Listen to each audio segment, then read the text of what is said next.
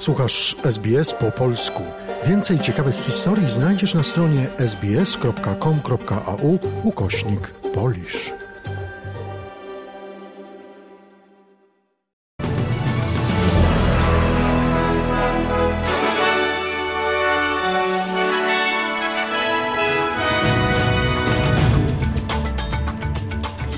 Witam Państwa bardzo serdecznie w piątek 7 października na wstępie skrót najważniejszych doniesień.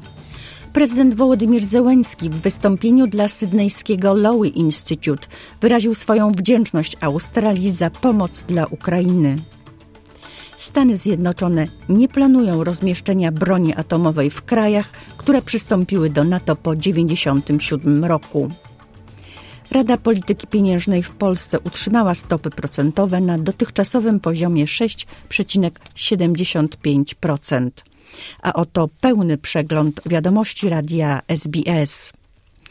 Prezydent Wołodymir Zełenski oświadczył, że Australia może pomóc Ukrainie wspierając ją w Organizacji Narodów Zjednoczonych, kontynuując współpracę obronną i przyłączając się do dalszych, surowszych sankcji wobec Rosji.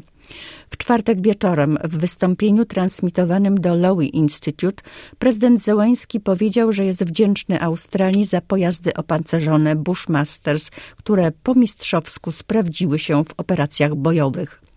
Im więcej broni i amunicji otrzymamy, tym bardziej Rosja poczuje się odpowiedzialna za łamanie prawa międzynarodowego, stwierdził. Nie wyjaśniając dokładnie, jaką broń dostarcza Australia, ujawnił, że więcej jest w drodze na Ukrainę. Nie chcę wchodzić w szczegóły dotyczące broni. To nie tylko broń strzelecka, ale także ciężka, powiedział prezydent Wołodymir Zełenski.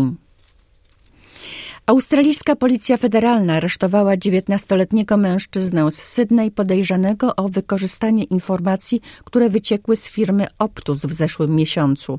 Mężczyzna za pośrednictwem wiadomości tekstowych miał grozić ponad 90 osobom, że wykorzysta ich dane do popełnienia przestępstw finansowych, jeśli nie zapłacą 2000 dolarów. Żadna z szantażowanych osób nie wpłaciła pieniędzy. Aresztowany został oskarżony o dwa przestępstwa, za które grozi kara do 10 oraz do 7 lat pozbawienia wolności. Rosja pozwała do sądu australijską agencję rządową w związku z wypowiedzeniem umowy najmu nowej ambasady w Canberrze. W sierpniu bieżącego roku strona australijska rozwiązała umowę, powołując się na nieukończenie budowy przed uzgodnionym trzyletnim terminem. Minęło 11 lat od czasu, kiedy Rosjanie uzyskali zgodę w celu zastąpienia starzejącego się obiektu na przedmieściach Griffiths, australijskiego terytorium stołecznego. Sprawa została wczoraj rozpatrzona w sądzie federalnym, gdzie przedstawiciel prawny Federacji Rosyjskiej argumentował, że warunki najmu zostały spełnione, ponieważ na miejscu wybudowano budynek konsularny. Przyznał jednak, że ambasada pozostała niedokończona. Przedstawiciel rządu australijskiego powiedział, że nawet jedyny budynek na miejscu nie został technicznie wykończony, ponieważ nie spełniał specyfikacji. Tymczasem kluczowy świadek w sprawie, ambasador Rosji Aleksiej Pawłowski, wkrótce może zostać wydalony z Australii. Minister spraw zagranicznych Penny Wong powiedziała w zeszłym miesiącu, że rozważa jego wydalenie z powodu rosyjskich gruźb nuklearnych wobec Ukrainy. W sytuacji, kiedy wschodnie wybrzeże Australii nadal jest uderzane przez fronty pogodowe z ulewnymi deszczami, władze apelują do obywateli o ostrożność i aby nie przejeżdżali przez wody powodziowe. Stanowe służby ratunkowe w Wiktorii i Nowej Południowej Walii przeprowadziły wiele akcji ratunkowych w ciągu ostatnich 24 godzin. W samej Wiktorii ratownictwo wodne odnotowało ponad 180 wezwań o pomoc.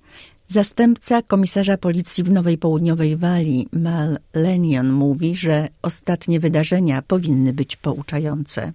It wasn't very long ago we had a five-year-old boy not far from here who was killed, drowned in a car that was washed off a bridge. Um, nie tak dawno temu mieliśmy pięcioletniego chłopca, który zginął. Utonął w samochodzie zabranym przez wodę z mostu.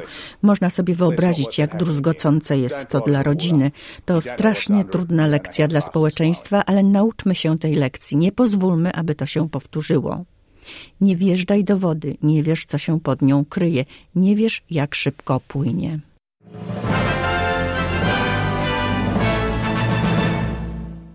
Rosja jest krajem antyeuropejskim, który nie dąży do pokoju, powiedział prezydent Ukrainy Wołodymyr Zełański do uczestników szczytu Europejskiej Wspólnoty Politycznej w Pradze. Jednym z celów praskiego spotkania przedstawicieli ponad 40 państw było okazanie wsparcia Ukrainie przy jednoczesnej izolacji Rosji. Do udziału nie została zaproszona także Białoruś. Prezydent Zełański w swoim wystąpieniu podkreślił, że, cytuję, tę wojnę trzeba wygrać teraz, wygrać ją na Ukrainie, aby flota rosyjska nie mogła blokować innych portów na Morzu Czarnym, Śródziemnym ani żadnym innym, aby rosyjskie czołgi nie szły na Warszawę ani ponownie na Pragę, aby rosyjska artyleria nie uderzyła w kraje bałtyckie, aby rakiety rosyjskie nie trafiły w terytorium Finlandii ani żadnego innego kraju. Władze Rosji wywiozły w nieznanym kierunku uchodźców ukraińskich koczujących na przejściu granicznym z Estonią. Według dziennikarzy portalu Meduza i urzędników estońskich na granicy czekało nieco ponad tysiąc osób, które wsadzono do autobusów i wywieziono. Ich los próbują wyjaśnić estońskie służby i rosyjscy dziennikarze niezależni.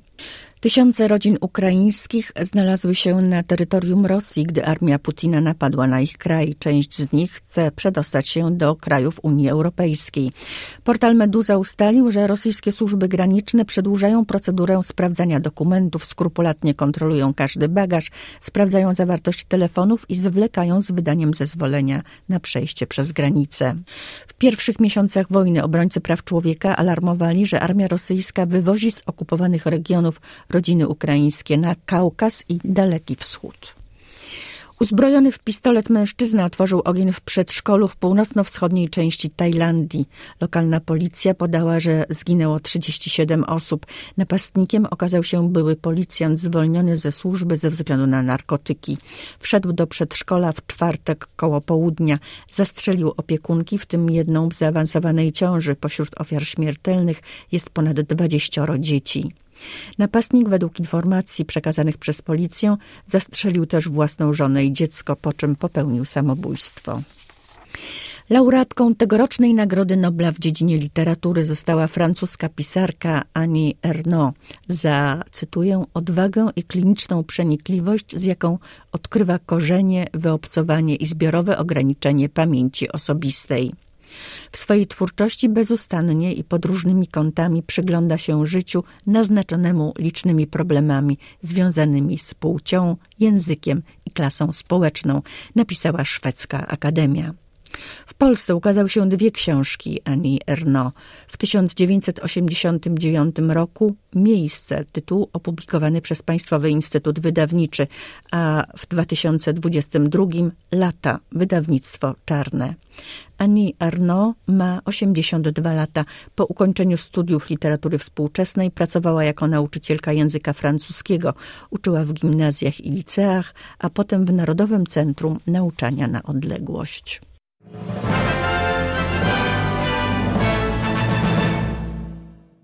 A oto kolejne wiadomości radia SBS. Stany Zjednoczone nie planują rozmieszczenia broni jądrowej w krajach, które przystąpiły do NATO po 1997 roku, poinformował przedstawiciel Urzędu Prezydenta USA, odpowiadając na pytanie korespondenta Polskiego Radia. Zaznaczył, że Ameryka i NATO stale analizują zmieniające się warunki bezpieczeństwa międzynarodowego. Były marszałek Senatu RP Stanisław Karczewski powiedział, że udział Polski w programie Nuclear Sharing byłby korzystny dla Polski. Porozumienie zakłada, że część potencjału nuklearnego państw NATO jest dostępna dla części krajów sojuszu. O jego użyciu decydowaliby prezydent Stanów Zjednoczonych i premier Wielkiej Brytanii. O rozmowach ze Stanami Zjednoczonymi w tej sprawie mówił także w wywiadzie dla Gazety Polskiej prezydent Andrzej Duda. Prezes Narodowego Banku Polskiego Adam Glapiński oświadczył, że Rada Polityki Pieniężnej nie zakończyła podnoszenia stóp procentowych, a jedynie wstrzymała ten proces, by przyjrzeć się lepiej sytuacji gospodarczej. Podczas konferencji prasowej nie wykluczył dalszych podwyżek w przyszłości. Wzrostu stóp procentowych w nadchodzących miesiącach spodziewa się także główna ekonomistka Banku Pocztowego Monika Kurtek. Rada Polityki Pieniężnej zdecydowała w środę, że stopy procentowe w Polsce pozostaną na dotychczasowym poziomie 6,75%. Monika Kurtek powiedziała, że dla wielu ekonomistów ta decyzja jest zaskoczeniem. Oczekiwano jednak kolejnej 12 z rzędu podwyżki, niewielkiej, bo o 25 punktów bazowych, a tymczasem stopy zostały utrzymane na niezmienionym poziomie. Przy czym trzeba podkreślić, że był to jeden z bardzo prawdopodobnych scenariuszy i on się zrealizował. Rada zapewne wzięła pod uwagę tą bardzo wysoką inflację, której szacunki poznaliśmy, jeżeli chodzi o wrzesień, powyżej 17%. Premier Mateusz Morawiecki spotkał się w Warszawie z przedstawicielami samorządów. Tematem rozmów był przede wszystkim kryzys energetyczny. Premier podkreślił, że wszyscy muszą zmobilizować siły przed sezonem zimowym. Kryzys energetyczny wymaga od nas ogromnej, szczególnej mobilizacji. Wymaga mobilizacji od całej administracji publicznej, nie tylko od rządu, ale także właśnie od prezydentów miast, od starostów, od wójtów, od burmistrzów. Cała administracja publiczna odpowiada za to, aby ciepło, energia elektryczna, węgiel dotarły do mieszkańców. Wiceminister Rozwoju i Technologii Olga Semeniuk skrytykowała wypowiedź Bronisława Komorowskiego, sugerującą, że prezydent Ukrainy powinien negocjować z Putinem. Na antenie Polskiego Radia wiceminister Semeniuk powiedziała – jest to w interesie Rosji. Wszystkie te wypowiedzi pani poseł Leszczyny, pana Radosława Sikorskiego, pana Bronisława Komorowskiego to są absolutnie tendencje prorosyjskie. To są takie rzeczy, które historia na pewno zapamięta. My jako Zjednoczona Prawica, rząd Prawa i Sprawiedliwości jesteśmy absolutnie przeciw takim działaniom i będziemy robić wszystko, aby ta wojna zakończyła się najszybciej jak to możliwe z ogromnym i pełnym sukcesem Ukrainy. Były prezydent Bronisław Komorowski w wywiadzie dla RMF FM powiedział wcześniej, że Wołodymir Zełenski powinien usiąść do rozmów pokojowych z Rosją. Rozumiem, że pręży mięśnie i dostosowuje się do tego, że Putin przegra wojnę, ale nie należy dzielić skóry na niedźwiedziu. Niedźwiedź jest jeszcze żyw i hasa w lesie. Koniec cytatu. Informacja walutowa. Dolar australijski jest dziś wart 64 centy amerykańskie lub 65 eurocentów.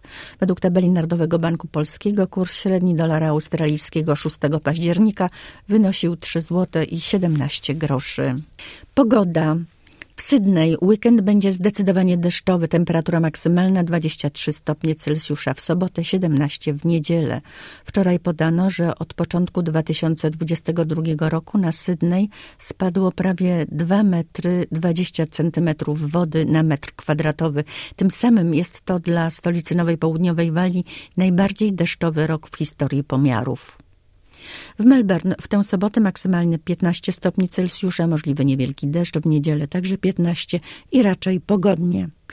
W Polsce w ten weekend zmienna aura, ale dzisiaj w całym kraju będzie pogodnie i ze słońcem. Temperatura maksymalna od 16 stopni Celsjusza na Suwalszczyźnie i Warmii, 18 w centrum kraju do 19 na Dolnym Śląsku.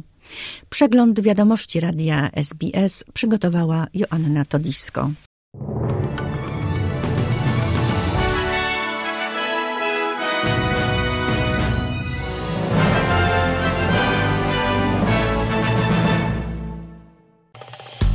Polub nas na Facebooku, udostępnij innym, skomentuj, bądź z nami na polskim Facebooku SBS.